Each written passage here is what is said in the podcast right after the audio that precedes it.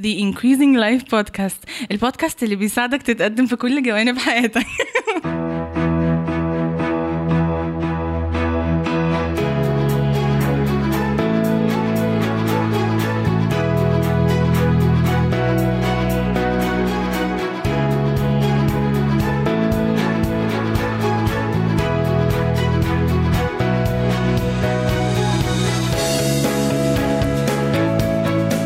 أهلا بيك في حلقة جديدة من The Increasing Life البودكاست اللي بتقدمه لك إنكريس علشان يساعدك تتقدم في كل جوانب حياتك وكمان تعيش حياة أكتر.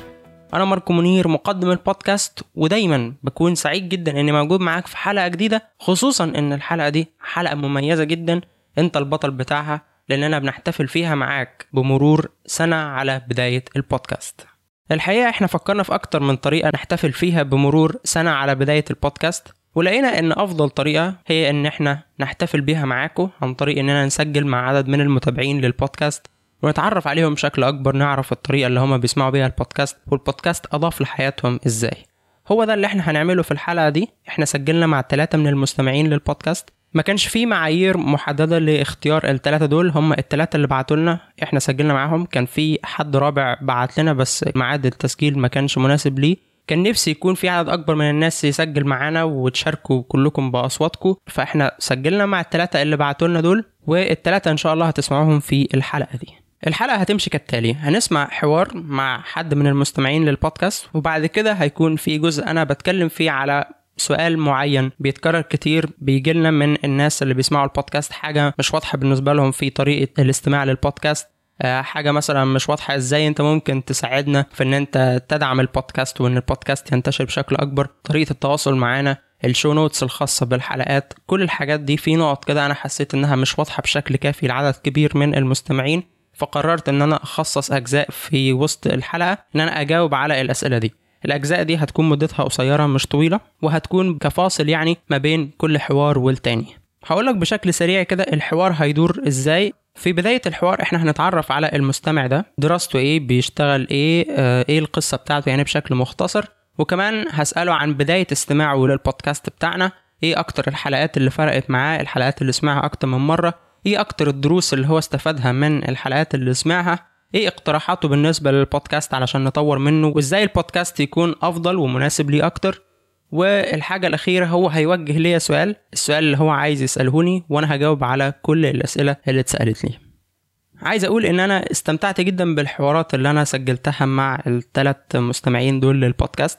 وزي ما قلت لكم كان نفسي إن عدد أكبر يشارك كان نفسي أتعرف على عدد أكبر منكم. بس جايز تكون الفكرة ما كانتش واضحة قوي بالنسبة للناس. كان في ناس خايفة مثلا وقلقانة فكرة إن هم هيسجلوا لأول مرة في حياتهم. إحنا بنفكر بجد إن إحنا نكرر الحلقات دي مش بس تبقى حلقة للاحتفال بالبودكاست لا إن إحنا ممكن نكررها بشكل كده مستمر. بس اللي أنا عايز أكده إن أنت ليك دور مهم جدا في البودكاست ده. البودكاست ده معمول علشانك والبودكاست ده بتاعك أنت مش بس بتاع Increase أنت ليك دور مهم في إن أنت تشارك بأسئلتك تشارك باقتراحاتك تشارك بآرائك تشارك بتجربتك كمان علشان بقية المستمعين يستفيدوا منها.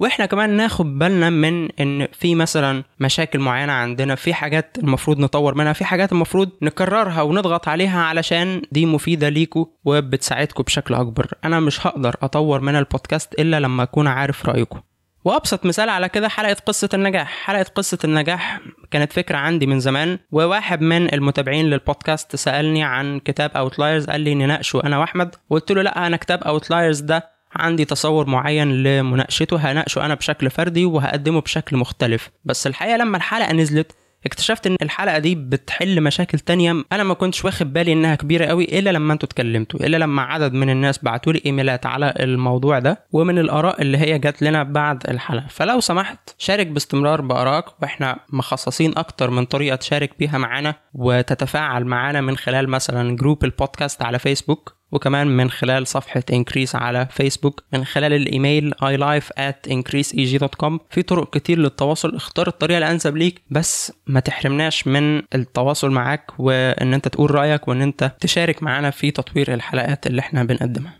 ودلوقتي خلينا نبدأ الحلقة بتاعتنا. ثلاث حوارات مع ثلاثة من المتابعين للبودكاست آية سليمان مرام هشام وسعاد طارق. إزيك يا سعاد؟ إزيك يا ماركو؟ إيه رأيك لو في البداية كده تعرفي الناس اللي بيسمعونا بيكي؟ اسمي سعاد طارق بحب الكتابة بحضر دكتوراه في القانون بشتغل موظفة في الأحوال المدنية. انت أصلا خريجة حقوق. آه. طب واختيار حقوق جه إزاي؟ هي دي قصة. هو ما كنتش خالص مع قرار حقوق كنت عايزة أبقى حاجة تانية. حاجة تانية إيه؟ كنت نفسي أبقى مخرجة برامج وأفلام توثيقية وكده. يعني إيه مخرجة برامج وأفلام وثائقية؟ كنت عايزة إن أنا أعمل يعني بحب الحاجات اللي فيها خلق وإبداع وأفكار. فشفت إن المخرج ده هو بيخلق حاجة بيخلق فيلم برنامج حاجة بتزود الوعي فأنا كان نفسي أبقى كده قوي عندي في البيت رفضوا جدا إن أنا أكون مخرجة وشايفوا إن الوسط ده صعب. فخلاص أوكي يعني سألت نفسي كده سؤال يعني أنتي ليه عايزة تبقي مخرجة؟ وهل لو بقيتي مخرجة تنجحي ولا لأ؟ فليه عايزة أبقى مخرجة؟ كان الأربع حاجات إن أنا حاجة فيها إبداع بتعامل مع ناس حاجة مش مش تقليدية أحقق حاجة أعمل حاجة أعمل اسم ليا. فلقيت إن الحاجات دي عامة قوي أقدر إن أنا أحققهم من حاجات تانية. فسألت السؤال التاني هل هقدر أنجح فعلا كمخرجة ولا لأ؟ لقيت إن مش عارفة يعني حسيت إن يا واسطة يا موهبة فما كانش عندي واسطة أو حد في الوسط يعني وموهبة ما كنتش عارفة أبقى موهوبة في الإخراج إزاي يعني. فحسيت إن لأ يعني ندور على حاجة فعلا أبقى واثقة إن أنا هقدر أحقق منها نجاح يعني. بس أنت محددة مخرجة أفلام وثائقية يعني مش مخرجة سينما. مخرجه مسرح. لا آه. اشمعنى أفلام وثائقية؟ عايزة حاجة فيها دماغ يعني الواحد يعرف معلومات ويديها للناس يعني. أو حتى أفلام بس أفلام يعني فيها قصة وفيها مسج للناس يعني ده اللي أنا كنت عايزاه. بعد كده جات لي آداب بجامعة القاهرة حسيت إن لا يعني مش حاسة إن أنا ده اللي أنا عايزاه. عمته كلمتني قالت لي والله انت لمده وشبه حقوق ويعني حقوق شبهك يعني. فحسيت إن آه حلو حقوق وهدرس قانون وهبقى فاهمة المجتمع بيفكر إزاي. وحتى لو بقيت محامية يعني مش حاجة وحشة بالعكس هبقى دافع عن قضية ويعني ممكن أعمل اسم لنفسي. نفس الحاجات الأربعة اللي أنا حددت إن أنا عايزاهم. فدخلت حقوق وكنت مؤمنة بيها قوي وحبيت الكلية قوي يعني أنا كنت بحب الكلية وجايبة تقديرات فيها يعني. تمام. اتخرجتي قدامك اختيار بقى يا إما تبقي تشتغلي في مكتب محاماة. حقيقي لا القصة ما كانتش كده. أنا اتخرجت ومش عارفة هعمل إيه. أنا درست حاجة بحبها. بس بعد التخرج كان عندي اكتئاب بقى ما بعد التخرج ده أنا مش عارفة أنا قيمتي أو الحاجة اللي كانت قيمة قوي في حياتي انتهت اللي هي الدراسة. الدراسة كانت مالية حياتي. فعملت أول دبلومة. بعد أول دبلومة عرفت بقى أنا عايزة إيه. حسيت إن أنا عايزة أبقى دكتورة في الجامعة وإن أنا أدرس وإن يبقى عندي رسالة بنقلها للناس.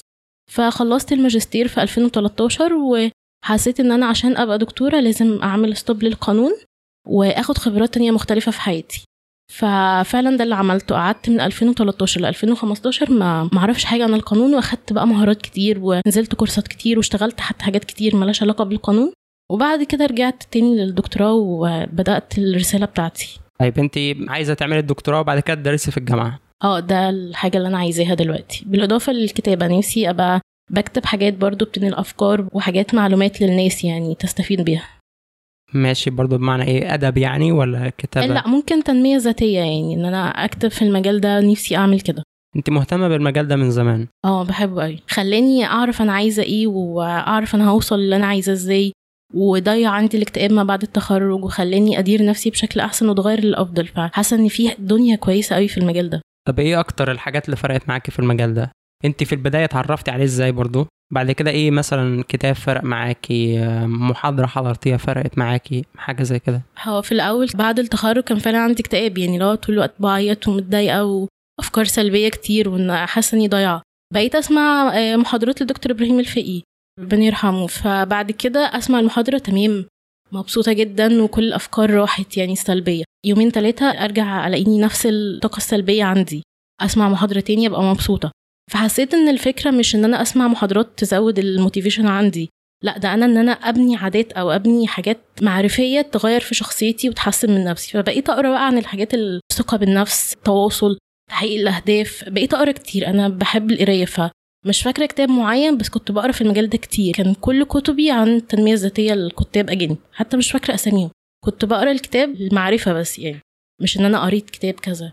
طيب بداية علاقتك بقى بالبودكاست عموما جت إزاي؟ أنت أصلا كنت بتسمعي أي بودكاست قبل كده عربي أو أجنبي؟ لا فكرة البودكاست أول مرة أعرفها من Increase تمام طيب ابتديتي عرفتي عن البودكاست إزاي؟ أعتقد قريت مرة عنها على ال page بتاعت Increase وصديقي أحمد قال لي إن في فكرة إن إحنا عايزين نجمع قصص ناس ناجحة عايشين ومعاصرين للبيئة اللي إحنا عايشين فيها فحسيت إنها فكرة حلوة قوي فبدأت أسمع البودكاست بسبب كده يعني مم. طبعا إحنا بنتكلم عن أحمد الشاذلي شريكي وكمان بيبقى معانا في حلقات الكتاب من البودكاست.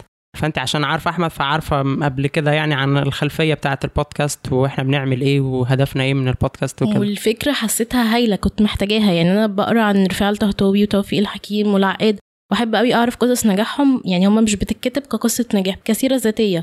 فكنت بقعد مثلا كتاب رفاعة الطهطاوي أقعد أعمله كقصة نجاح وأقعد أقول هو واجه صعوبات هنا وبعد كده واجهها وبعد كده حل المشكلة وبعد كده كونت فرصة. فكان بالنسبة لي أنا بقرأ قصص الناس دي بالشكل اللي أنتوا بتقدموا بيه البودكاست. هايل بقى إن أنا أعرف ناس معاصرة ليه لأن توفيق الحكيم ورفاعة الطهطاوي في ظروف مختلفة. فالناس دلوقتي في نفس ظروفي فأنا بلاقي أفكار جديدة ممكن لمشاكل أنا مش عارفة أوصل لها يعني. فهي كانت فكرة هايله بصراحة. برافو عليكم تفتكري أول حلقة سمعتيها من البودكاست؟ ياسين عبد الغفور الحلقة التاسعه كانت حلقة جميلة يعني. أنا بحس بسلام وطاقة إيجابية و... ويعني إن أنا عندي طاقة وحماس إن أنا أواجه كل حاجة يعني. ياسين واجه ظروف صعبة. وهو هو بيتكلم في الحلقة إن الظروف الصعبة دي كانت سبب إن هو سرع نجاحه.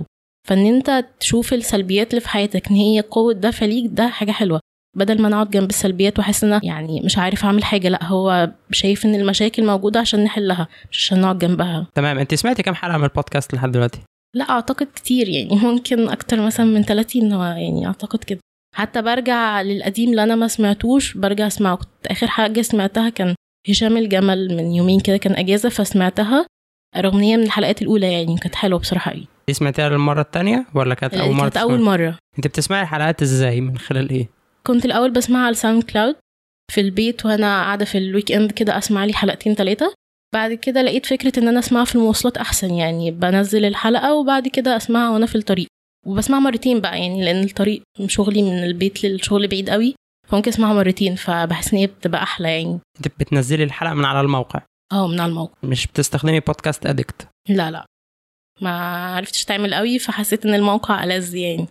وفي البيت ال SoundCloud بشغله واسمع حلقتين ثلاثة ورا بعض. لو بعمل حاجة مش محتاجة أفكر فيها بوضب أوضتي بعمل حاجة بحس إن حلو يعني إن أستفيد. طب بتعرفي منين لو حلقة جديدة نزلت؟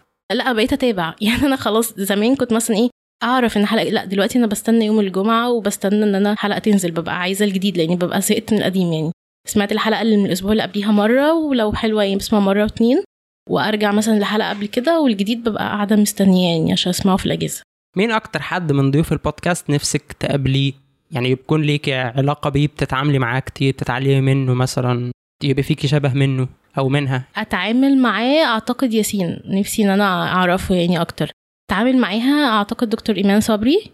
هي ست جميلة قوي أنا حاسة إن الحلقة بتاعتها بتديني طاقة سعادة وطاقة عطاء وإن هي عملت شيفت كارير لنفسها وإن هي كانت عندها الشجاعة إن هي تقول لأ أنا أنا هنا في مكان حلو بس أنا أنا في حاجة تانية أحلى بالنسبة لي. وتروح تعمل الحاجة التانية دي وتلاقيها برضو مش قوي فتجرب حاجة تالتة. دي شجاعة أعتقد يعني. تمام. نفسك تشوفي البودكاست الفترة الجاية دي شكله عامل إزاي؟ يعني نكتر أكتر من الحوارات اللي إحنا بنعملها ننوع في الحوارات نكتر أكتر من الحلقات اللي بنعملها بشكل فردي نكتر أكتر من مناقشات الكتاب. نعمل نوع رابع من الحلقات. إيه اللي في بالك؟ هي مش عندي تصور للنوع الرابع بس أنا من الشخصيات اللي بتزهق يعني.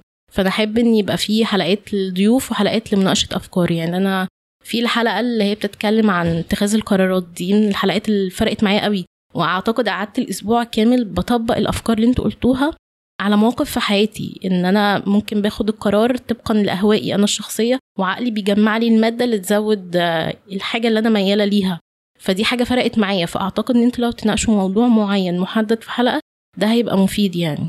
الحلقة كان اسمها قرارات حاسمة وكانت مناقشة لكتاب ديسايسيف آه ده من الحلقات الجميلة جدا يعني.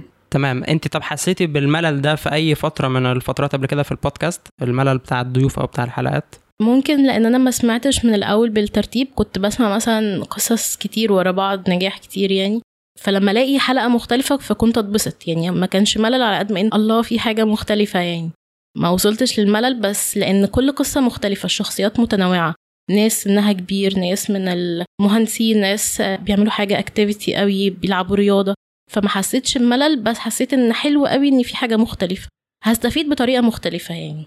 طب في أسئلة معينة إحنا مش بنسألها للضيف أنت شايفة إن إحنا لازم نسأل الأسئلة دي؟ جوانب معينة مش بنقرب لها مثلا في في حياة الضيف؟ أحب قوي سؤال اللي هو إمتى اللحظة اللي أنت حسيت فيها إن أنت الله وصلت لحاجة أنت عايزها؟ يعني أنت اللحظة دي فكرت في إيه وفكرت أنت وصلت هنا إزاي؟ أعتقد ده سؤال حلو يعني. تمام. طيب أنت قلت لي برضه إن أنت في أسئلة بتستنيها في الحوار. آه الروتين اليومي. بحب السؤال ده قوي يعني.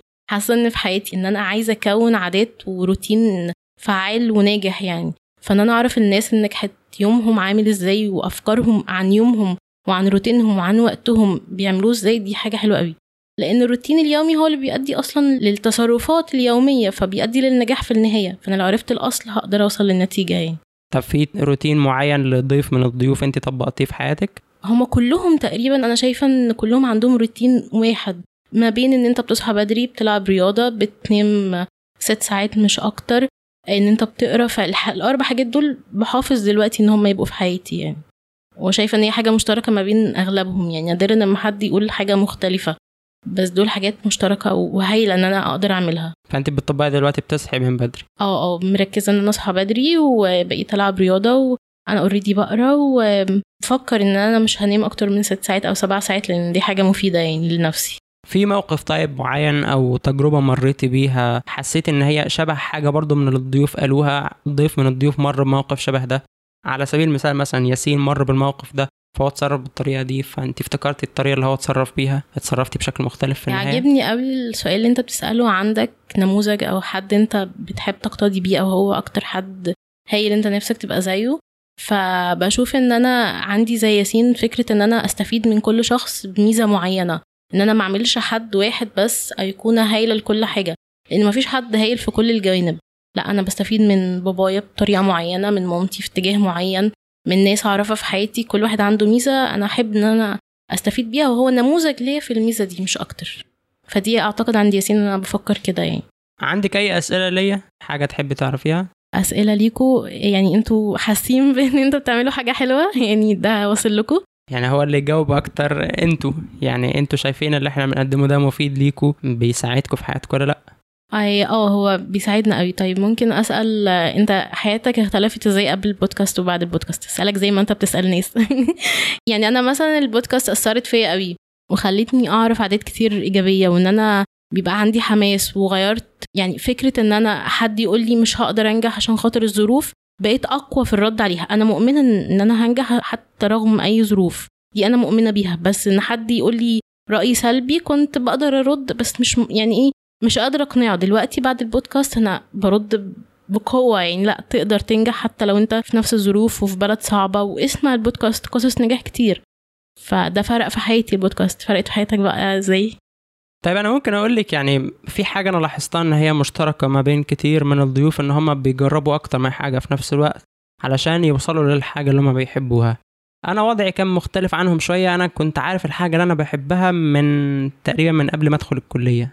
فأنا كان عندي الفرصة دي. بس أنا بقى عندي حاجة تانية هي إيه؟ إني أوقات مثلا ببقى مستعجل عايز أوصل أسرع مثلا ومش من الناس اللي هم بيرضوا عن نفسهم أو عن اللي هم بيعملوه ايا كان. لما سمعت تجارب كتير من الضيوف خلاني نوعا ما أهدى شوية اللي هو لو ما حصلتش النهارده أنت طالما أنت بتشتغل وبتعمل اللي عليك وطالما أنت عارف السكة اللي أنت المفروض تمشي فيها طالما بتتقدم ممكن تكون خطوات بسيطة مش خطوات عظيمة بس طالما أنت بتتقدم فأنت كده في الطريق الصح. ففكرة الاستعجال ما بقتش هي المسيطرة دلوقتي فأنا شايف إن أنت طالما أنت بتتقدم في حياتك فده كفاية. تأثير جميل يعني. حلو. برافو عليكم يعني بجد. أنا من الحاجات اللي فارقة في حياتي قوي. يعني كانت الأول بتديني motivation وحماس ويعني power دلوقتي لأ بقيت جنب الحماس والطاقة الزيادة دي بقيت أستفيد وأعرف معلومات كتير وأركز على روتين الناس على تصرفاتهم على المجالات المختلفة. كان حد اللي هو بتاع Aqarmap عجبني الحلقة بتاعته قوي. يعني هايلة اللي هو إزاي هو مدرك لكل الجوانب في حياته وبيستغلها وبيستغل أبسط الفرص. إن هو راح شارك واحد صاحبه من غير ولا جنيه قال له هأجر جزء من الريسبشن وأدي لك 25% من الأرباح. فحسيت إن أنا عندي فكرة استغلال كل الفرص يعني. فهي هايلة وأثرت في حياتي كويس يعني. في حاجة تحبي تقوليها للناس اللي زيك اللي بيسمعوا البودكاست؟ رسالة توجهها لهم؟ أنا مستنية الحلقة دي قوي وعايزة اعرف هما استفادوا إزاي بالبودكاست وبيستخدموها إزاي في حياتهم. يعني عشان لو في طريقة فعالة أكتر من اللي أنا بستخدمها واستفادة أكتر احب ان أنا استفيد بيها. واقول لهم ان البودكاست ده يعني صديق لذيذ قوي ومعاك طول الوقت وبيشجعك. يعني اعتقد ممكن ابقى هوبليس أو ابقى يعني حاسة ان الطريق بعيد وشاق. البودكاست حاسسني إن لا حتى لو بعيد تقدري توصلي في ناس قدرت ووصلت يعني. لو عملنا حلقة زي دي تاني مع ناس تانيين ضيوف تانيين من اللي بيسمعوا البودكاست انت تكوني حابة تسمعيها؟ آه جدا. آه جدا. يعني ناس مختلفة أعرف تجربتهم في البودكاست. آه عشان أعرف فعلا في طرق أكيد مختلفة للاستفادة يعني فأنا عايزة أستفيد أكتر. أنا بشكرك جدا على وقتك يا سعاد. إحنا تعبناكي جبناكي من مكان بعيد النهارده. بس انبسطنا بإن أنت كنت موجودة معانا ومبسوطين دايما بتعليقاتك على الجروب والتشجيع اللي أنت بتقدمه لنا وطبعا دايما يعني تحفيزك لينا كده ووجودك دايما جنبنا بنكون مبسوطين بيه.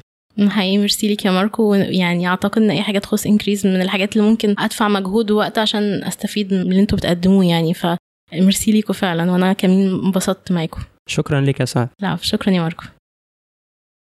النقطة الأولى اللي عايز أتكلم معاك عنها في الحلقة دي هي فكرة المشاركة والتقييم لحلقات البودكاست.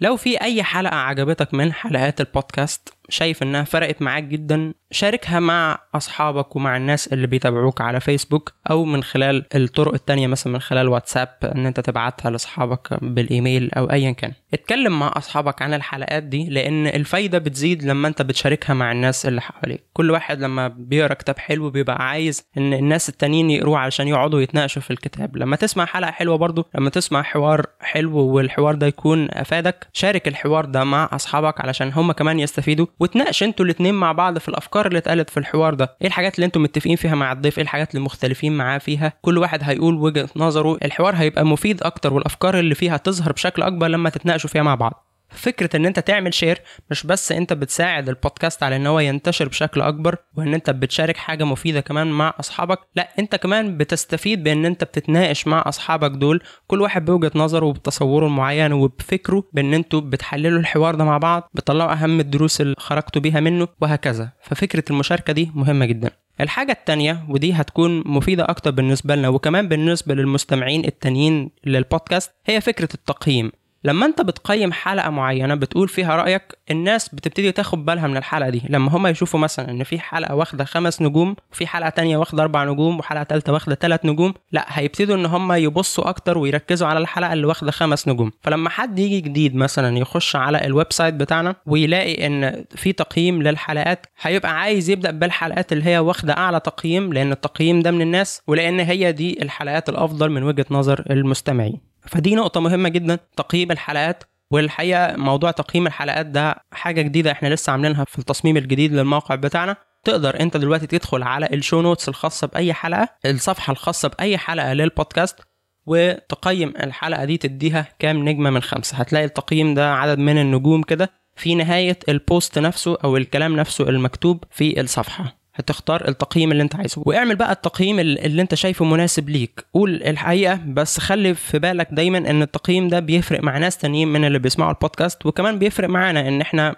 في حوارات مثلا إحنا بنبقى متوقعين إنها تحقق نجاح كبير وتقييمنا ليها مثلا ممكن يبقى عالي وأنت تديها تقييم أقل أو العكس. فده هيساعدنا إحنا كمان ناخد بالنا إيه الحلقات الكويسة اللي إحنا بنعملها علشان نكررها وباستمرار نطور من البودكاست ونقدم أفكار ومحتوى أفضل.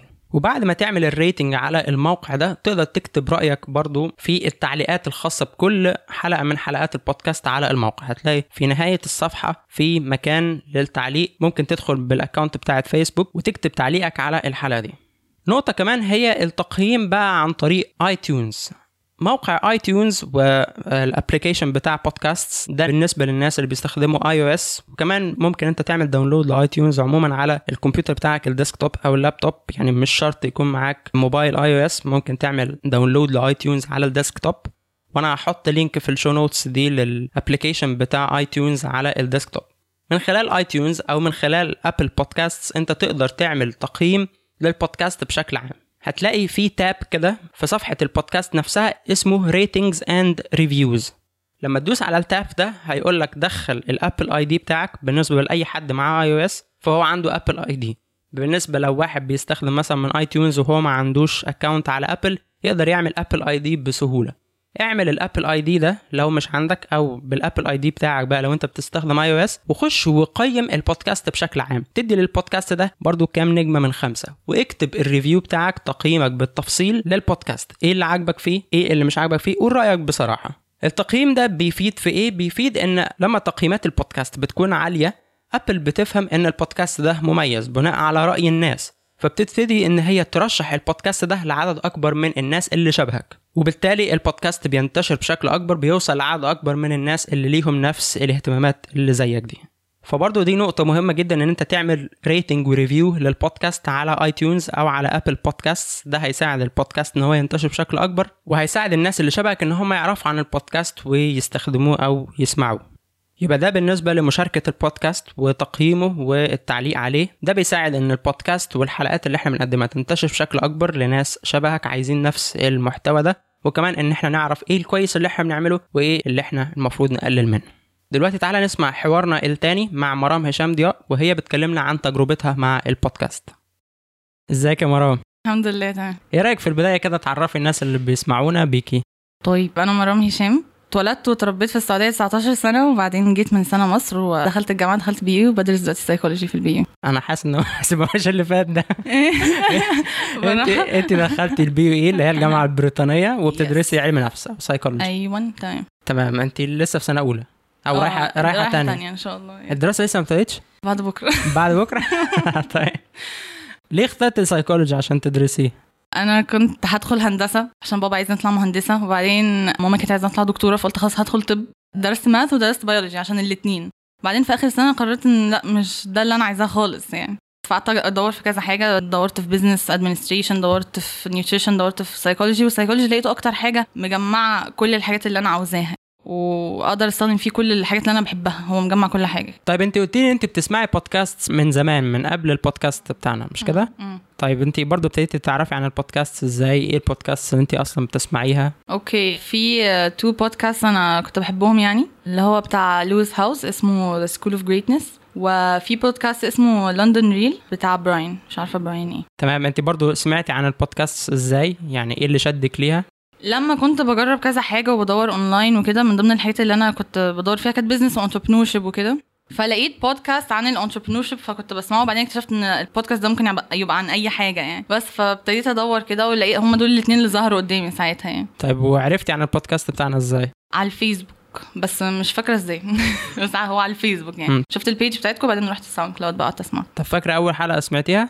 أنا مش فاكرة قوي بس I'm guessing إن هي بتاعت إيمان صبري حلقة إيمان صبري. وإنت قلتي لي الحلقة دي عجباك I could relate قوي قوي لحاجات كتير قالتها يعني حاجات كتير جدا. أصلا أنا اتخضيت أنا حسيت إنها بتحكي قصتي في الأول. هي كمان اتخرجت من سايكولوجي وكده بس هي عجبتني أكتر حاجة علشان في الآخر لما كنتوا بتتكلموا عن ال happiness وكده قالت إن ال happiness is knowledge وإن الواحد المفروض يتعلم أكتر وكده فدي كانت أكتر حاجة عجبتني. يمكن دي أكتر حاجة فادتني كمان يعني أنا بستفيد كتير من كل حلقة بستفيد حاجات multiple things يعني. بس دي كانت أكتر حاجة علمت معايا يعني. انت قلتي انت بتعتبريها يعني زي role model بالنسبة لك أو كده يعني. حد أتمنى يعني أتعلم منه أكتر و I would love to meet her actually بس أنا مش عايزة أدي ال typical answer لا آه، مفيش حد واحد وبتاع بس it's true فعلا. It doesn't make sense إن يبقى حد واحد بس اللي أنا عايزة أتعلم يعني. أكيد حد كتير. مش عليها role model بس she's one of the people that I admire yes 100% في ضيوف تانيين برضو انت استفدتي منهم من الحلقة بتاعتهم عجبتك؟ في كتير. جدا جدا. يعني if I have to pick مثلا طب ممكن أقول أربعة؟ مش هينفع أقول حد واحد. أربعة لا، قولي أربعة. إيه ده بجد؟ الكلام ده أوكي. اول حد I would have to say obviously مصطفى حشيشة. الحلقة بتاعته لأن أنا أصلا يعني أنا أول ما أنا جيت مصر السنة اللي فاتت وكنت محظوظة إن أنا أول ما نزلت جيت على ice park يعني اتعرفت على ice park على طول وكده واستفدت منهم كتير. أنا أصلا دخلت ال BUE by the way بسبب هم كانوا عاملين tour في ال BUE من ال services اللي بيعملوها فأنا رحت ال BU ما كنتش عارف إن في سايكولوجي هناك أصلا. بعدين I liked ودخلت يعني. بس الأكتر حاجة عجبتني في الحلقة الحلقة بتاعته هي حاجة ممكن تبان غريبة جدا. آه، لما كان بيتكلم على هو في الجامعة كان عامل إزاي يعني بيقول أنا ما كنتش بطلع مع حتى من العشرين الأوائل بس أنا كنت بشرح لزمايلي ومش عارفة إيه. وما كانش بيحضر كتير المحاضرات بس كان بيفهم. وأنا كده. أول مرة أحس إن أنا مش غ... أنا مش غريبة. أنا مش غبية. it's okay. إنه في different ways of learning. It's fine يعني. مش لازم أحضر كل محاضرة علشان بدرجات عالية. it's it's okay برضه حلقة آه، محمد جمال I think بتاع كتبنا. آه محمد جمال. صح؟ يعني يمكن متحيزة شوية عشان بدرس سايكولوجي بس آه، لما كان بيتكلم إن هو كان عنده depression وإن هو كان بيتعالج في الوقت ده. فده was that was amazing بالنسبة لي علشان هو كان بيتكلم على الموضوع ده as a badge of honor because it is هو مش حاجة. مع إن إحنا مش عارفة ليه بيعملوا كده بس الأمراض النفسية الناس بيتكلموا عليها اكنها حاجة غريبة. وما أقصدش الناس في مصر أنا بتكلم عامة في العالم يعني. بس هو كان بيتكلم عادي اللي هو آه عادي ده تح... آه ما فيش حد مثلا عنده مرض في الكبد ومكسوف منه عادي ما physical disease is just like mental disease actually ساعات المنتال disease بيبقى it's actually physical. يعني. بالظبط it can show up on on brain scans في حاجات you can see ان this is a normal brain this is a brain with mental illness ف it is in many ways it is physical يعني بس فانبسطت انه بيتكلم عن الموضوع عادي. يس ده كان التحدي اللي عندي. كنت في مرحلة علاج فكان بيتكلم عادي. فانبسطت ان هو حسيت إن ده الصح يعني ما شاء الله. بس. في موقف أنت بتمر بيه مثلا أو يعني حاجة سمعتيها من ضيف في البودكاست شايفة إن دي فرقت معاكي علقت معاكي اللي هو مثلا موقف مريتي بيه افتكرتيها تجربة معينة مريتي بيها افتكرتي الضيف ده اتصرف إزاي فأنت اتصرفتي بالشكل اللي هو اتصرف بيه؟ مش ف... مش فاكرة قوي بصراحة. بس بس كتير آه في خلال لما بسمع حلقه مثلا من البودكاست بيبقى في خلال اليوم بتيجي في بالي حاجات. يعني مش لازم يبقى موقف محدد. حتى فجأة كده أنا من النوع اللي ب reflect قوي والحاجة بتفضل معايا. فمثلا في نص اليوم آه هو كان يقصد كده. في نص اليوم الفكرة دي بترجع لي تاني. I keep thinking about it كده. بس ما فيش حاجة. ما فيش حاجة موقف specific اتحطيت فيه. فآه ده شبه ده. بس بس بتيجي لي كده في نص اليوم حاجات يعني. في حلقة. سمعتيها أكتر من مرة؟ آه طبعا. آه. وفي ح... وفي حلقات عايزة أرجع أسمعها دلوقتي وفي حاجة وبفتكر حاجات آه الحتة دي كانت حلوة أنا عايزة أرجع أسمعها تاني. هو أنا لما بسمع البودكاست دي يمكن دي أكتر حاجة بتعجبني actually إن أنا ب... بتحطني في mood تفكير كده. معرفش لو دي كلمة غريبة ولا لأ، بس ببقى بفكر بطريقة معينة وبفكر في اتجاه معين. فساعات ب... برجع عايزة أفكر بالطريقة دي تاني فأسمع الحتة دي تاني أو أسمع الحلقة دي تاني كده يعني. يعني أنت بتبقي ماشية مع الضيف في التسلسل التفكير بتاعه؟ يعني Yes, exactly. هو واخدك معاه في الرحلة بالظبط المواقف بالظبط. اللي هو مر بيها طريقة التفكير طريقة اتخاذ القرار اللي هو أخذها. بالظبط. وكمان ساعات ببقى حاسة حالة معينة كده ببقى عايزة أرجع لها. أنا عايزة أرجع أفكر بال... بالحالة دي تاني. I don't know if that makes any sense بس ده اللي بيحصل معايا. بتشوفي ال show notes بتاعت الحلقة؟ لا أنا عمري actually ما بصيت عليه خالص. أنا عمري ما عرفت أدخل الموقع يعني ما ما في بسمع وفي آخر الحلقة لو في حاجة بقى اسم كتاب حاجة اتقالت برجع اجيبها واكتبها عندي على الموبايل يعني. يعني بترجعي للحلقة نفسها. تسمعي تجري لغاية لما توصلي آه لاسم الكتاب ده. آه اسم الكتاب أروح كاتباه كده عندي في الموبايل وأي research بعدين لو عايزة. طب إحنا عاملين ال show notes دي عشان انت ما تتعبيش. عليها. حاضر والله. لا اصل بدل ما تقعدي تلف في الحلقة كده ومثلا أسماء applications أو بنبقى حاطين ال link يعني انت لو فتحتي تعملي download على طول. ال application ده. تمام؟ نبص فيها نبص فيها ماشي. بتسمعي الحلقة كاملة؟ بتسمعي ال intro وال outro كده قصدك ال intro بتاعت الحلقة نفسها ولا اللي هو ال intro خالص اللي في من الأول؟ البداية خالص. يعني بتجري حتة مثلا؟ بجري اول دقيقة كده. يعني. أنا أنا حفظت ال intro ممكن أقوله معاك. حرفيا مرة قلته معاك خلاص أنا حفظته. طب ما تقوليها لنا كده قولي لنا إيه ده؟ مش عارفة أفتكرها دلوقتي. هنبتدي بيها الحلقة الجاية. The Increasing Life Podcast. البودكاست اللي بيساعدك تتقدم في كل جوانب حياتك. صح حاجة كده. مظبوط مظبوط. انت مش بتقري كتب كتير برضو ما فيش applications حد من الضيوف بيستخدمها مثلا؟ انت بقيت تستخدميها؟ آه نزلت Wunderlist وعجبني جدا. عشان أنا أصلا بقعد أكتب lists كتير قوي على ال memo عندي على ال phone بس ده لقيته أحلى عشان فيه list و sub list و folders وكده فهيبقى منظم أكتر. وعلشان اكتشفت إن you can it to the laptop فده عجبني جدا. فنزلته بس لسه بتعلم استعمله يعني لسه. دي بعد حلقة الدكتور أمير برسوم. أيوه صح تقريبا صح. كذا حد كان actually قال عليه لو أنا فاكرة صح مش عارفه وندر ليست أفتكر آه في حد تاني قال قبل كده بس مش متذكر مين. بس آخر واحد يعني كان دكتور أمير برسوم. طيب نفسك البودكاست يبقى شكله عامل إزاي؟ يعني نوعية الضيوف مثلا نفسك نوعية الضيوف يبقوا عاملين إزاي؟ آه، الحلقات مثلا. إحنا بنعمل الحلقات اللي هي زي قصة النجاح وزي الحلقات مثلا اللي اتكلمنا فيها عن العادات عن الأهداف كده.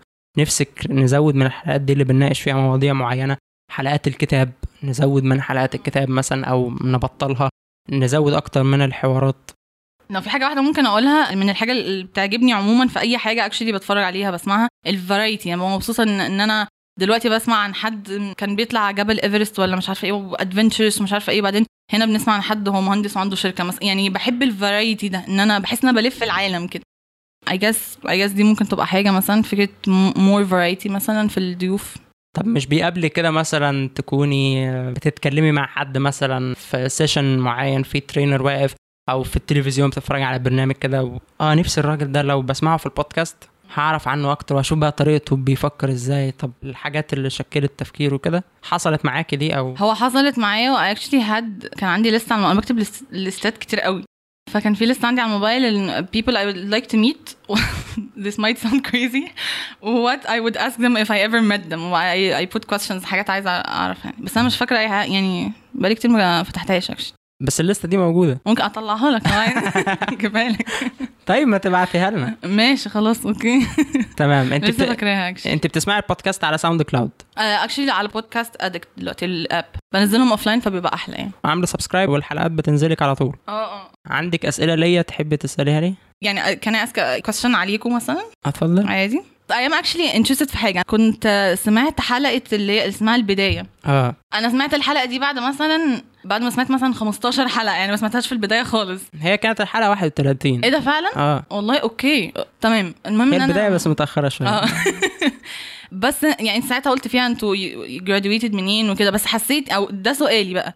Why do you guys don't talk more about you مثلا؟ أو إحنا ما نعرف كمستمعين يعني إحنا ما نعرفش أكتر مثلا عنكم.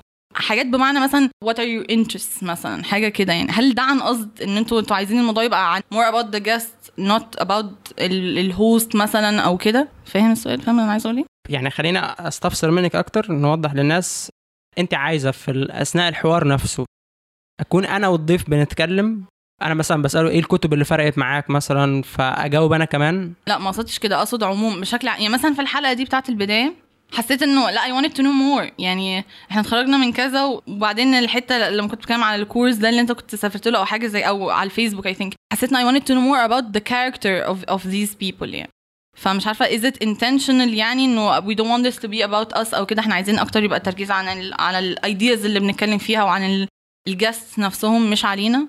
ولا ولا دي حاجة مثلا you guys مثلا didn't think about أو ما عملتوهاش أو whatever it may be هو أنا ما كنتش بفكر فيها إلا لما عملت حلقة البداية دي وفي ناس كتبت تعليقات إن هو عايزين نعرف عنكم أكتر. آه وكان في حد بيسأل إيه الكتب اللي فرقت معاك ومش عارف إيه وكده. فكرت ساعتها في إن إحنا نعمل حوار يبقى ما بيني وبين أحمد بس المرة دي أحمد هو اللي هيعمل معايا الحوار وأحمد هو يسأل. تمام؟ حلو. بعدين يعني الناس تتعرف علينا بالطريقة دي. بعدين جه الحوار بتاع الكلام ده أنا أول مرة أقوله. جه. الحوار بتاع الراديو. إحنا طلعنا على الراديو طلعنا على راديو مصر. فالحوار كان عننا. فحسيت إن خلاص ما الناس يعني سمعت عننا. هو الحوار كان المفروض ينزل يعني بتاع راديو مصر بس ما نزلش يعني للتأخير مننا إحنا. فأنا كنت يعني قلت إن الحوار بتاع راديو مصر هيبقى هو كافي. وقلت إن أنا أخصص الحلقة دي بتاعت الاحتفال بسنة من البودكاست للناس. إن الناس نعمل إحنا حوار مع الناس. واعتقد يعني أنا عن نفسي ما أعرفش بودكاست كتير أصلا على مستوى العالم الناس المستمعين ظهروا فيها بالشكل ده. اعتقد يعني من الناس القليلين اللي عملوا حوارات مع الناس نفسهم وبيتكلموا عن تجربتهم مع البودكاست وقلت برضو إن هو يبقى فيه مساحة للأسئلة منكم اللي هو عايز يعرف حاجة مثلا ممكن يسألها هنا. فكانت هي دي طريقة التفكير يعني. بس لو في ناس كتير عايزين الحلقة دي نعمل حوار أنا وأحمد فإحنا يعني جاهزين. آه. و... ونعمل حوار وكمان ممكن أنتوا تشاركوا بأسئلتكم يعني. يعني أنتوا ممكن تبقوا تبعتوا أسئلتكم وأحمد يسألها وقت ال... وقت الحلقة نفسها. ولما تنزل الحلقة بتاعت راديو مصر دي بقى نزل ال link بقى وكده. حاضر. حلقة راديو مصر هتنزل على يوتيوب. هنحط لكم ال link. إن شاء الله على ال page وعلى وعلى ال group. group آه. وهكذا. انت ال group بتحس انها مفيدة بالنسبة لك؟ عاجبك ال community يعني؟ أنا بحس ان إحنا مش عارفة إحنا قليلين فعلا ولا قليلين اللي بيكتبوا؟ هم قليلين اللي بيتفاعلوا. بس بحب إن أنت بتبع... بتبعت لنا أسئلة كده يعني ببقى عارفة إن أكيد ورا السؤال ده حاجة هتتغير حاجة هتعملوها حاجة هتستفيدوا منها يعني. بس يعني بحب إن أنت بتسأل بتعرف على طول من الناس اللي بيسمعوا يعني. بس عايزة ناس أكتر يعني ناس تشارك أكتر يبقى أحلى بكتير يعني. حابة إن أنت تشاركي بتشاركي بأسئلتك في الحوارات يعني بتشاركي بأسئلتك للضيوف؟ يس جدا. آه، كان حلقة آه، عمر سمرة. كنت أنت سألت سألته السؤال بتاعي كنت مبسوطة جدا. واستفدت جدا من الإجابة اللي قالها ساعتها يعني. بس كنت فرحانة قوي طيب يا مرام أنا انبسطت جدا بإن أنا قابلتك. أنا كنت قابلتك قبل كده يعني بس انبسطت إن إحنا اتكلمنا مع بعض فترة أطول. نفسي تتواصلي معانا دايما تبعتي دايما آرائك مقترحاتك بالنسبة للبودكاست. و... وأنا عن نفسي يعني نفسي جدا إن الحلقة دي تتكرر تاني. عموما ان إحنا نستضيف ناس أكتر من المستمعين بالنسبة للبودكاست. ونفسي كمان الناس تشارك بأسئلتها أكتر للحوارات بتاعت الضيوف. يشاركوا أكتر على الجروب. البودكاست معمول علشانكم أنتوا. و... وأنا مش هقدر أطور في البودكاست على الرغبة بتاعتكم وال... والحاجات اللي أنتوا نفسكم تسمعوها إلا لما تتكلموا. أنا مش هقدر أعرف رغباتكم كده من غير ما أنتوا تتكلموا. فأنا بعمل اللي أقدر عليه علشان أطور من البودكاست بس أنا كمان عايزكم تساعدوني لأن في النهاية المنتج ده معمول علشانكم أنتوا صح. أنا عايزة أقول حاجة برضو في الحتة دي لأ أنا بح... أنا بحس كده فعلا. أنا بحس إن البود أنا كمستمع بحس إن البودكاست معمول لي فعلا. وحتى لما أنت كنت بتسأل سؤالي مثلا وبتسأل سؤال الناس التانية كنت بحس كده إن هو أنا ما قابلتش الشخص ده بس أنا دلوقتي كأني قابلته. ففعلا بحس كده إن كل الحاجات دي يعني بحس إن البودكاست بتاعي يعني not invading your space. اتفضلي اتفضلي لا بس أقصد كده بجد يعني في في actually حاجات كتير بنسمعها أو برامج بنتفرج عليها ما بتحسش إن أنت engaged فيها. ده بحس لا إن أنا a part of the conversation حتى وأنا مش هناك. بحس ان أنا جزء كده من الحوار. أشكرك يا مرام جدا على وقتك. thank you شكرا لكم نقطة تانية عايز أكلمك فيها وهو سؤال بيتكرر كتير. إيه هي أفضل طريقة أسمع بيها البودكاست؟ البودكاست ده بيتسمع إزاي؟ أولا البودكاست مختلف عن أي track مثلا معين أنت ممكن تسمعه على ساوند كلاود ليه؟ لأن الأغاني مثلا أو ال tracks الصوتية بيبقى معظمها مساحته قليلة وكمان معظمها مدته قليلة فأنت تقدر تسمع ده streaming لما تعمل streaming لأغنية مثلا خمس دقايق ولا عشر دقايق الموضوع سهل بس لما تكون حلقة ساعة ولا ساعة وربع فكرة ال streaming بتبقى أصعب بكتير وناس بتشتكي من إن هي الحلقات طويلة مش قادر إن هو يخلصها مرة واحدة. البودكاست مش معمول علشان تسمع الحلقة كاملة مرة واحدة ومش معمول علشان تفضل قاعد كده جنب الحلقة ما بتعملش أي حاجة تانية غير إن أنت تسمعها. أفضل طريقة تسمع بيها البودكاست ده وأي بودكاست تاني هي من خلال التطبيقات المخصصة للبودكاست على ال smart phones لو أنت iOS ففي application already موجود عندك على الموبايل جاي مع ال software بتاع iOS اسمه بودكاست هتلاقي اللوجو بتاعه لونه بنفسجي وموجود عندك على الموبايل. في ناس كتير ما كانتش تعرف إن ال application ده أصلا موجود عندها. فده بالنسبة ل iOS بالنسبة لاندرويد فاندرويد ما بيجيش معاها application للبودكاست بس أنت تقدر تعمل download لواحد من أهم ال applications وهو اسمه Podcast Addict برضه هتلاقي link ال Podcast Addict في ال show notes الخاصة بالحلقة دي. لما تنزل Podcast Addict أو لما تفتح Apple Podcast لو أنت بتسمع من iOS هتلاقي مكان تعمل فيه search وتكتب فيه اسم البودكاست اللي أنت بتدور عليه. البودكاست بتاعنا اسمه The Increasing Life. فلو عملت search بالاسم ده هيظهر لك البودكاست بتاعنا في نتائج البحث. لو دوست على البودكاست اللوجو بتاعه هيكون أزرق فاتح. هتدخل على صفحة البودكاست هتلاقي فيها كل الحلقات اللي إحنا عملناها لحد دلوقتي وتقدر إنك تدوس subscribe subscribe دي عشان تشترك في البودكاست بحيث إن أي حلقة جديدة بتنزل من البودكاست ده أول ما تنزل الحلقة وتكون متاحة على الإنترنت ال application هيروح منزلها لك على طول على الموبايل بتاعك من خلال الواي فاي مش بيقرب لل data بتاعه الموبايل بتاعك خالص. الحلقة هتنزل على موبايلك هتكون متاحة. تقدر بقى إنك تسمعها في أي وقت تسمعها على مرات تسمعها أكتر من مرة. تقدر تستخدمها بالشكل اللي أنت عايزه. بس مش هتبقى مضطر إنك تكون موجود في مكان فيه إنترنت. مش مضطر إنك تسمع الحلقة كاملة مرة واحدة. دي طريقة. في ناس تانية بتقول مثلا إن أنا ما عنديش مساحة في الموبايل بتاعي إني أنزل Podcast Addict مثلا. طيب أنت ممكن تعمل حاجة تانية هي إنك من خلال الموقع بتاعنا من خلال الصفحة الخاصة بكل حلقة تقدر تعمل download للحلقة دي بس. ممكن تعمل download للحلقة دي على الكمبيوتر بتاعك وتاخدها وتحطها على الموبايل. يبقى أنت برضو بقيت بتسمعها offline بتسمعها في الوقت اللي انت عايزه وبالطريقة اللي انت عايزها على مرات أو أكتر من مرة. فدي طريقة تانية لو انت مش قادر انك تنزل بودكاست ادكت بس هو عيب الطريقة دي إنك كل حلقة تروح عامل لها داونلود بنفسك وتروح حاططها على الموبايل بتاعك. هي متعبة بس أكتر. لكن في النهاية دي يعني لو ده أفضل بالنسبة لك فخلاص مفيش مشكلة. حلقاتنا ليها ميعاد ثابت. الحلقات بتنزل كل يوم جمعة. ولو انت مشترك بإيميلك في نشرتنا البريدية إحنا بنبعت كل يوم بعد صدور الحلقة بنبعت إيميل للناس المشتركين في النشره البريدية دي نقول لهم إيه الحلقة وأهم الموضوعات اللي بنناقشها فيها ومين الضيف اللي إحنا بنسجل معاه و link الحلقة علشان يسمعوها. فلو انت مش مشترك في Podcast Addict أو مش مشترك في Apple Podcast لأن دول هيغنوك عن إن انت تتابع البودكاست بشكل مستمر. لأن ال applications دي already لما حلقة جديدة بتنزل بتبعت لك notification تقول لك إن في البودكاست ده نزل حلقة جديدة والحلقة دي نزلت على موبايلك فهي هتنبهك. بس لو انت مش مشترك فيهم وبتعمل download من الموقع بتاعنا اشترك في النشر البريدية عشان تتابع الحلقات الجديدة باستمرار. هيجي لك ايميل كل أسبوع يقول لك إن إحنا نزلنا حلقة جديدة. ادخل على الصفحة بتاعة الحلقة دي من الإيميل وهتقدر تعمل لها download وتقدر تسمعها على موبايلك بالشكل اللي انت عايزه. إحنا بنرشح انك تسمع الحلقات وبرضه ده بالنسبة لأي بودكاست تسمع الحلقات وانت مثلا في الطريق وانت سايق العربية وانت في المواصلات وانت راكب المترو ايا كان. أو إنك تسمعها وانت بتلعب رياضة وانت بتجري مثلا الصبح أو وانت رايح الجيم. الفكرة هي إنك تسمع الحلقات وانت بتعمل أي نشاط النشاط ده مش متطلب تركيزك بنسبة 100% فالفكرة هي إنك تسمع حلقات البودكاست برضو ده بالنسبة للبودكاست بتاعنا أو لأي بودكاست تاني. وأنت بتعمل نشاط النشاط ده مش متطلب تركيزك الكامل لأن الإنسان يقدر يسمع وإن هو بيعمل حاجة مثلا روتينية أو هو متعود عليها. فأي نشاط روتيني أنت بتقوم بيه ممكن تسمع البودكاست معاه. بس هي فكرة إن أنت تكون قاعد مخصوص علشان تسمع البودكاست هتلاقي إنها مرهقة بالنسبة لك إنك تقعد تسمع لمدة ساعة أو أكتر مفضي نفسك بس للبودكاست. هي دي ميزة السمع عموما أو إن أنت تتعلم عن طريق السمع إنك تقدر تعمل حاجة تانية في نفس الوقت اللي أنت بتسمع فيه. عكس مثلا لو أنت بتتعلم عن طريق فيديو معين فالفيديو لازم يكون واخد انتباهك الكامل. ما تقدرش تعمل أي حاجة تانية غير إنك بتتفرج على الفيديو ده. فالبودكاست طريقة مفيدة جدا إن هي بتعلمك بشكل مميز وكمان إن هي مش بتاخد من وقتك بتدي لك مساحة إن أنت تعمل حاجة تانية وفي نفس الوقت أنت بتسمع وبتستفيد. ده كان الكلام على الطريقة اللي أنت تسمع بيها البودكاست وإزاي تشترك في البودكاست وتعمل download للحلقات وتسمعه إزاي وميعاد البودكاست. خلينا دلوقتي نسمع الحوار الثالث مع آية سليمان واحدة من المتابعين للبودكاست وهي بتشاركنا برضو تجربتها مع البودكاست وأهم الدروس اللي هي اتعلمتها من خلال البودكاست. إزيك يا آية؟ الحمد لله كويسة. عايزك في البداية كده تعرفي الناس اللي بيسمعونا بيك. أنا آية سليمان خريجة كلية تجارة جامعة عين شمس قسم محاسبة دفعة 2009 حاليا أنا digital marketing trainee في digital agency متدربة في مجال التسويق الرقمي. آه تمام.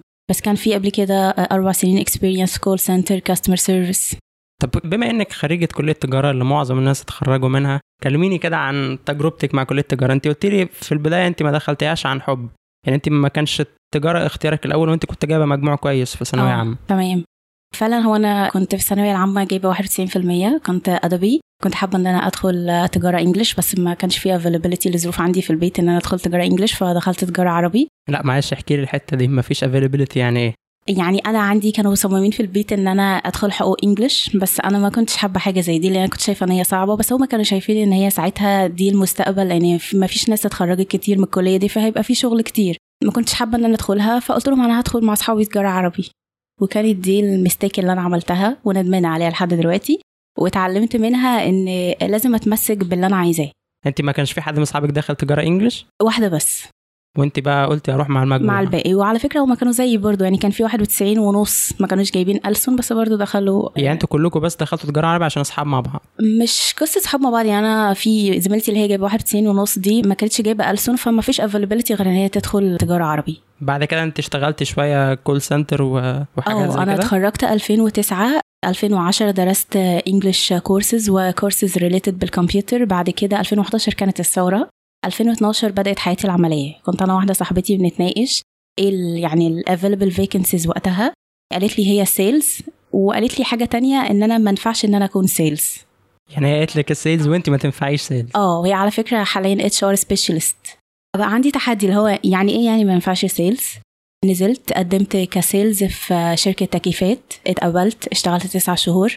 بعد كده حبيت إن أنا join ال call center وفعلا قدمت في call center وقعدت في كانت شركة انترنت وشركة اتصالات لمدة سنتين ونص ثلاثة اتعلمت كتير جدا من ال call center حسيت إن أنا الجول اللي أنا عايزاه نصه اتحقق مش كله. وما فيش availability إن أنا أحقق الجول كله.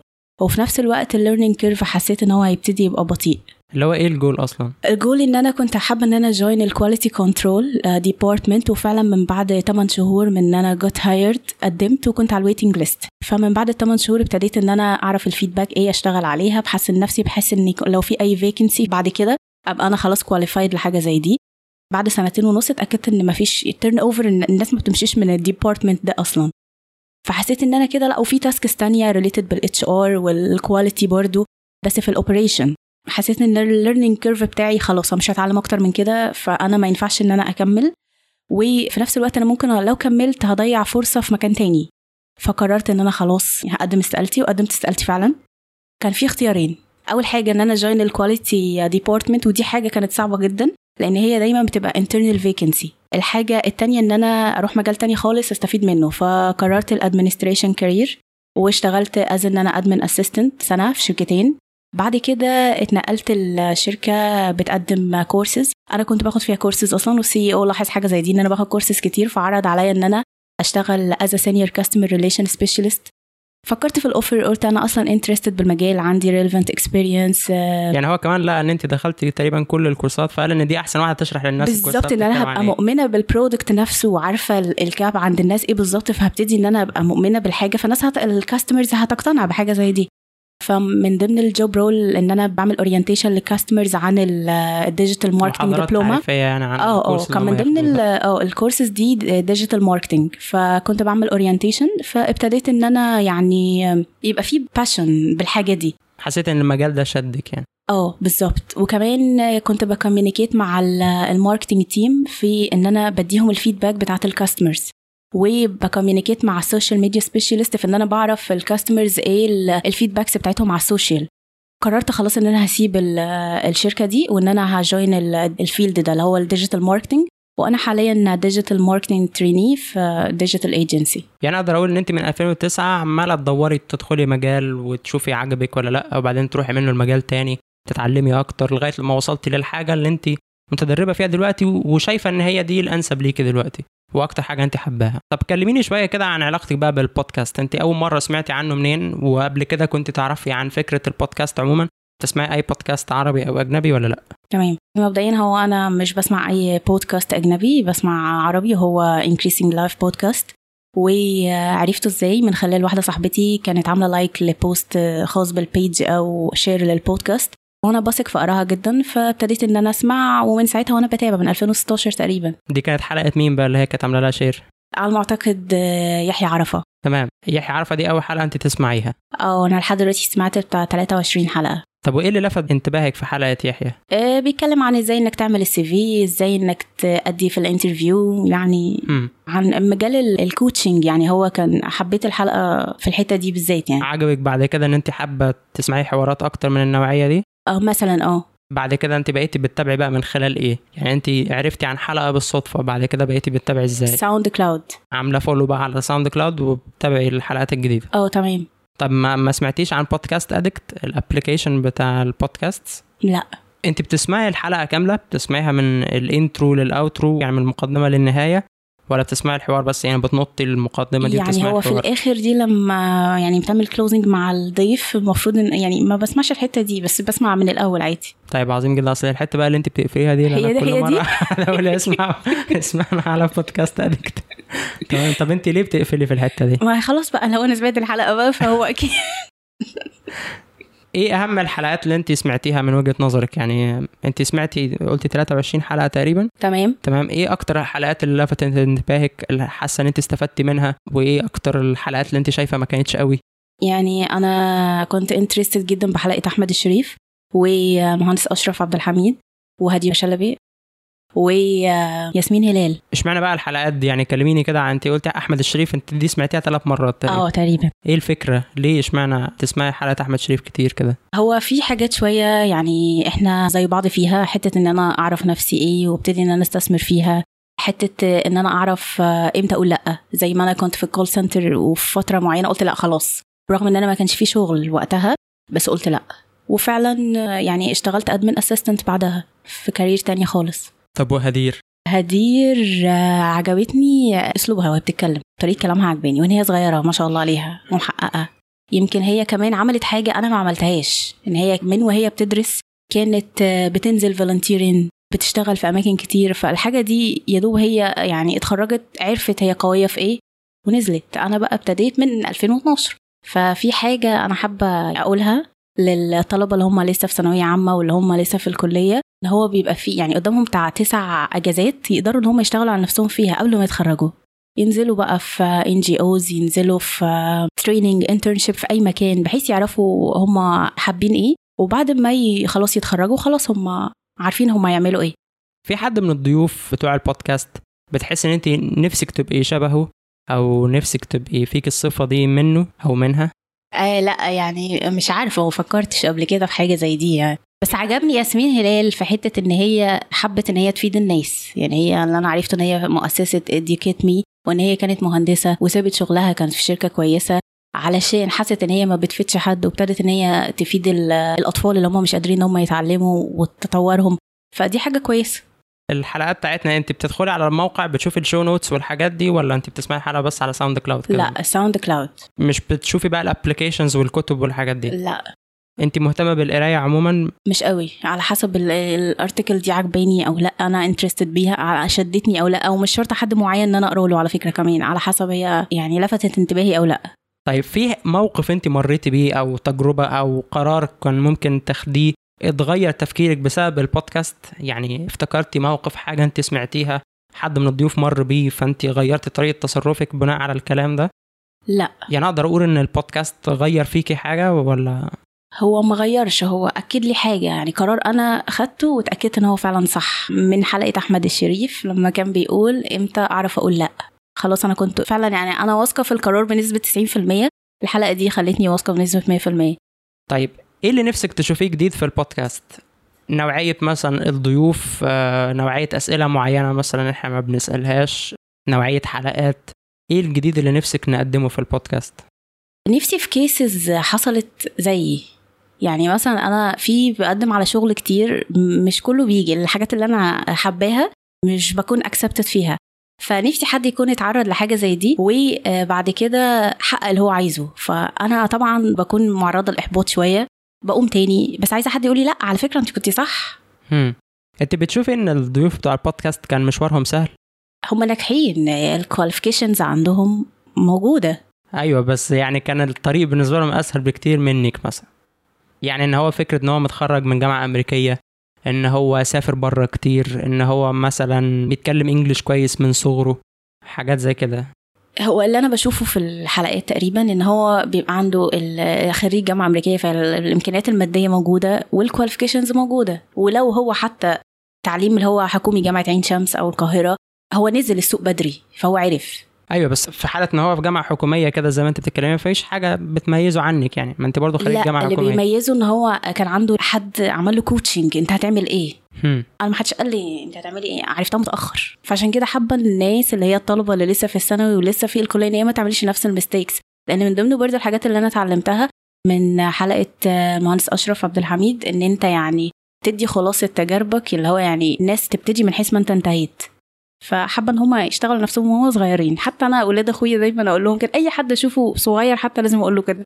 طيب في حلقات تانية إحنا بنقدمها اللي هي بنتكلم على موضوع معين يعني في حلقة عملناها عن الأهداف عن العادات عن قصة النجاح اللي هي كانت حلقة الأسبوع قبل اللي فات سمعتي الحلقات دي آه قصة النجاح سمعتها وإيه رأيك فيها؟ يعني ما شدتنيش قوي يعني ليه؟ مش عارف سمعتيها طيب للآخر؟ سمعتها للآخر. ما شدتكيش بمعنى إيه؟ طيب؟ الطريقة اللي بيتعرض بيها الأفكار ولا الأفكار نفسها حسيت إنها مش مهمة لا بالنسبة لك؟ مش الطريقة لا بس هي يعني ممكن تكون الأفكار مثلا ما شدتنيش. فأنت بتفضلي الحوارات أكتر؟ ممكن. ما بتسمعيش حلقات الكتاب؟ بس هسمعها. ماشي. في عندك أسئلة ليا تحبي تسأليني؟ آه. إيه؟ آه، في سؤالين. اتفضلي. أول حاجة إيه أكتر حلقة أنت حسيت إن هي كانت مفيدة ليك أنت قوي السؤال التاني انت هتستفاد إيه يعني؟ انت مستفيد إيه من الاكسبيرينس دي؟ طيب خليني أجاوب على السؤال التاني الأول بعدين أرجع للسؤال الأول. مم. أنا مستفيد إيه؟ خليني أقول لك إن أنا مستمتع جدا باللي أنا بعمله مبسوط جدا بقابل ناس مميزة بستفيد منهم بتعلم منهم بتعامل معاهم.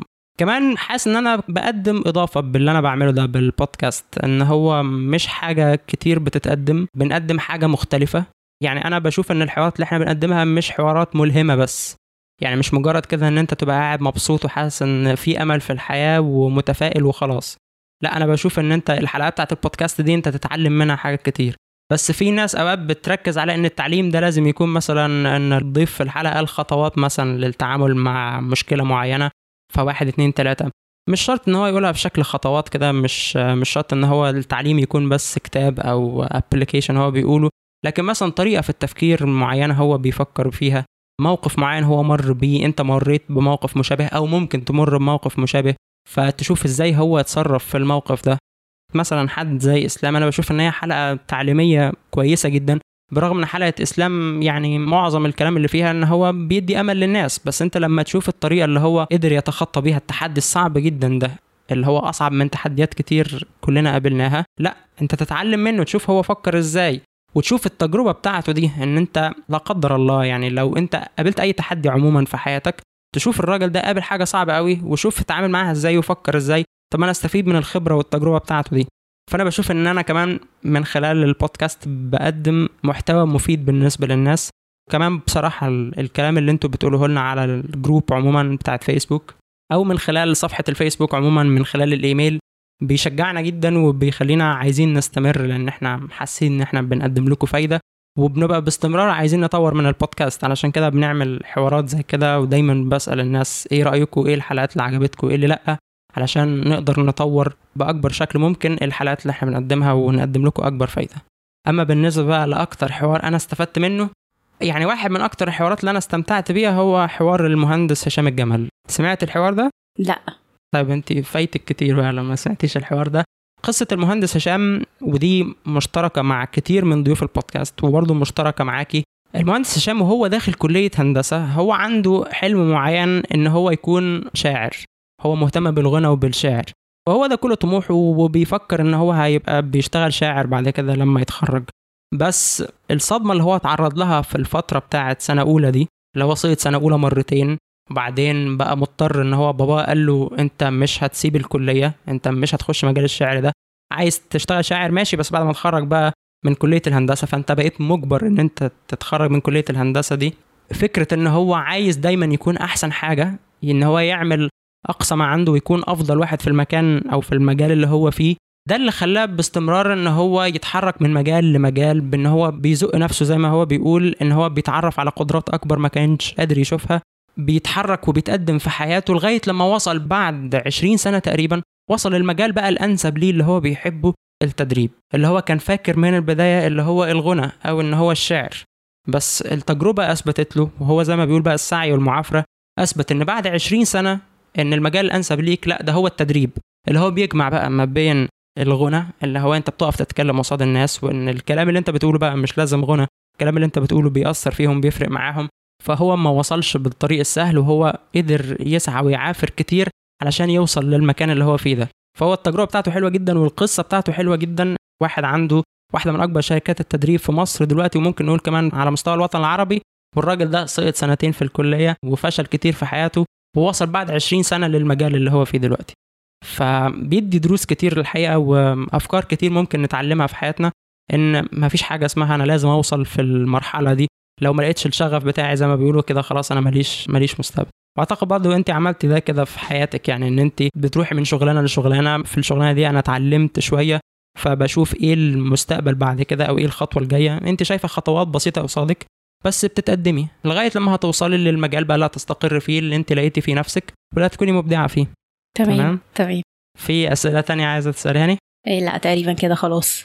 عموما أنا انبسطت بإن أنا قابلتك يا آية. وأنا كمان جدا. استمتعت جدا باللقاء معاكي وعايزينك تتابعي معانا كده باستمرار وكوني دايما بتقولي آرائك. انت بتكتبي آرائك عن الحلقات اللي انت بتسمعيها. okay. فيا ريت تبعت لنا الآراء دي أول بأول. إحنا بنحبها جدا. وايا كان رأيك يعني إحنا مرحبين بيه وبشكرك جدا. تمام العفو شكرا جدا ليك. شكرا يا آخر نقطة عايز أتكلم فيها في الحلقة دي هي فكرة ال show notes الخاصة بالحلقات. يعني إيه show notes ال show notes يعني الملاحظات الخاصة بالحلقات اللي إحنا بنقدمها. لكل حلقة إحنا بننزلها بيكون ليها صفحة على الموقع بتاعنا. الصفحة دي فيها أهم الموضوعات اللي بنناقشها خلال الحلقة دي ودي هتكون مفيدة بالنسبة لك إن أنت تقراها قبل ما تسمع الحلقة مثلا تعرف إن الحلقة دي مهمة بالنسبة لك تسمعها ولا لأ؟ ده غير إن إحنا بنرشح لك يعني تسمع كل الحلقات. بس برضو إن أنت ممكن تاخد فكرة عن الحلقة وهيدور فيها إيه قبل ما أنت تسمعها. فدي حاجة. النقطة التانية هي بنكتب فيها كل الأسماء اللي اتكلم عنها الضيف لو اتكلم عن اسم شخصيات معينة اتكلم عن مواقع معينة اتكلم عن كتب معينة اتكلم عن applications معينة كل ده بيكون موجود في ال show notes دي. فأنت مش محتاج إنك تكتب ملاحظات وأنت بتسمع الحلقة. إحنا بنكتب لك الملاحظات وبنحطها لك على الموقع بتاعنا. ال applications إحنا بنحطها بال link بتاعها على Play Store أو على ال أو على ال Apple Store تقدر تعمل لها download بشكل اوتوماتيك لما تدخل على ال show notes دي. كمان بنكتب فيها وسيلة التواصل مع الضيف إزاي أنت تتواصل مع الضيف ده لو عندك أسئلة ليه؟ وكمان وسيلة التواصل معانا إزاي تتواصل معانا لو عندك اقتراحات أو لو عندك أسئلة. الإيميل بتاعنا بيكون موجود في ال show notes دي وكمان link ال group الخاصة بالبودكاست على فيسبوك بيكون موجود في ال show notes. برضو لما تدخل على ال show notes بيكون متاح ليك إنك تقيم الحلقة تديها كام نجمة وتكتب تعليقاتك على الحلقة دي علشان عدد أكبر من الناس اللي بيزوروا الحلقة يعرفوا رأيك ويعرفوا آراء الناس اللي سبقوهم وسمعوا الحلقة دي فيها. ال show notes بتدخل عليها إزاي؟ ال show notes إحنا مخصصين لها طريقة سهلة جدا تقدر تدخل عليها من غير ما تقعد تدور في الموقع بتاعنا أو تتعب نفسك. لو أنت مشترك في نشرتنا البريدية إحنا بنبعت ال- ال link اللي بتكون موجودة جوه ال email ال link اللي إحنا بنبعت منها الحلقة هي دي بتكون صفحة ال show notes الخاصة بالحلقة دي. لو أنت بتسمع من Podcast Addict فالحلقة نفسها بيكون فيها link لل show notes. لو انت بتسمع من SoundCloud فبرضو ال show notes بتكون موجودة. tab كده جنب like وجنب comment وجنب share الحاجات دي هتلاقي فيه tab كده اسمه show notes أو من على الموبايل هتلاقي علامة العربية اللي هي بتاعه ال share دي بتاعه SoundCloud لو دوست عليها هتوديك على ال show notes غير كل ده لو انت بتسمع الحلقات بأي شكل تاني أو لو مش متاح ليك كل ده الحلقات ال link بتاعها بيبقى سهل جدا. تقدر تكتب اسم الموقع بتاعنا increaseeg.com forward slash اللي هي العصاية المايلة لقدام. وتكتب برقم الحلقة اللي انت بتسمعها دي. يعني الحلقة اللي انت بتسمعها دلوقتي دي الحلقة رقم 51 لو عايز تدخل على ال show notes بتاعتها هتكتب increaseeg.com forward slash 51 هيوديك على الصفحة الخاصة بالحلقة دي على طول. الأسماء اللي ذكرت فيها الحلقات التانية اللي إحنا اتكلمنا عنها الكتب ال applications أيا كان اللي إحنا اتكلمنا عليه خلال الحلقة دي. لو الحلقة مثلا الحلقة 18 مثلا حلقة المهندس هشام الجمل ال show notes بتاعتها increaseeg.com forward slash 18 ده باختصار ال show notes. ال show notes حاجة مهمة جدا. زي ما قلت لك بتتيح لك إنك تقيم الحلقة تتيح لك إنك تعلق عليها تتيح لك إن أنت تشوف ال applications والكتب اللي اتكلم عنها الضيف من غير ما تتعب نفسك وتقعد مثلا تقلب وسط الحلقة تاني ترجع بالحلقة علشان تجيب اسم كتاب فاتك أو اسم شخص أو شركة معينة. كل الحاجات دي إحنا بذلنا المجهود ده بدالك وحطيناها لك في ال show notes. فهي مهمة جدا وأرشح لك إن أنت تتابعها باستمرار. في نهاية الحلقة عايز أقولك إني انبسطت جدا بالتواصل مع عدد منكم. كان نفسي أتواصل مع عدد أكبر من المتابعين بس ما كانش عندي الحظ ده. إن شاء الله تكون في فرص أكتر نتواصل فيها مع بعض بشكل أكبر ونسجل فيها مع عدد أكبر منكم. أنا بشكر جدا كل الناس اللي بيتابعونا على مدار سنة من البودكاست الناس اللي كانت آرائهم إيجابية فينا أو حتى كانت آرائهم سلبية. بشكر الناس اللي بيتابعونا طبعا من مصر وفي كمان لينا متابعين كتير في السعودية وعدد تاني من الدول العربية في الكويت وفي الإمارات وفي فلسطين وفي الأردن. بشكر كل المتابعين لينا من كافة الدول العربية. كل تعليقاتكم بتفرق معانا جدا. آرائكم بتفرق معانا جدا. التواصل معاكم بيساعدنا وبيحسسنا أكتر بالقيمة اللي إحنا بنقدمها. لما بنقدم لكم حاجة بتساعدكم في حياتكم بتساعدكم إن أنتوا تعيشوا حياة أكتر زي ما إحنا بنتكلم في البودكاست. دايما دي حاجة بتسعدنا جدا. و... ولو سمحتوا ما تحرموناش من تعليقاتكم وآرائكم. وخليكم دايما متواصلين ومتابعين لينا. تاني أفضل طريقة للتواصل معنا هي group ال podcast على فيسبوك اسمها The Increasing Life Community. ده لو عملت search بالاسم ده على فيسبوك هتلاقيها. وكمان هتلاقي link ليها في ال show notes الخاصة بالحلقة على ال link increaseeg.com forward slash 51 كمان ممكن تتواصل معنا من خلال ال email ilife at increaseeg.com اختار الطريقة المناسبة ليك. عايزين نسمع صوتك وعايزين نقابلك إن شاء الله في حلقة جاية هنخصصها برضو للمستمعين. ممكن تكون أنت واحد من الضيوف اللي إحنا هنسجل معاهم. لو عجبتك الحلقة دي ما تفوتش الحلقات الجاية لأن لسه عندنا حلقات مميزة وقصص أكتر هنشاركك بيها. أفضل طريقة تسمع بيها البودكاست هي من خلال تطبيقات الموبايل المخصصة للبودكاست. لو أنت بتستخدم iOS هتلاقي على الموبايل application اسمه بودكاست تقدر تسمعنا من خلاله. ولو أنت بتستخدم Android هتلاقي على Play Store application اسمه Podcast Addict سواء كان بودكاست أو Podcast Addict لو عملت search باسم البودكاست بتاعنا وكتبت The Increasing Life هتلاقي البودكاست ظهر لك في الأول. ادخل على صفحة البودكاست واختار إنك تعمل له subscribe أول ما تبقى subscribe ال application هيبدأ إنه يتابع الحلقات الجديدة من البودكاست ويعمل لها download على موبايلك بشكل تلقائي. وبكده تقدر تسمع الحلقة في أي وقت في أي مكان من غير ما تحتاج إنترنت وكمان ممكن تسمعها على كذا مرة. لو في أي حاجة واقفة معاك أو عايز تتواصل معانا عندك أسئلة لينا أو أي اقتراحات ممكن تبعت لنا على iLife at increaseeg.com وإحنا هنجاوب على كل أسئلتك. بكده تنتهي حلقة الأسبوع ده. نتقابل الأسبوع الجاي في حلقة جديدة إن شاء الله.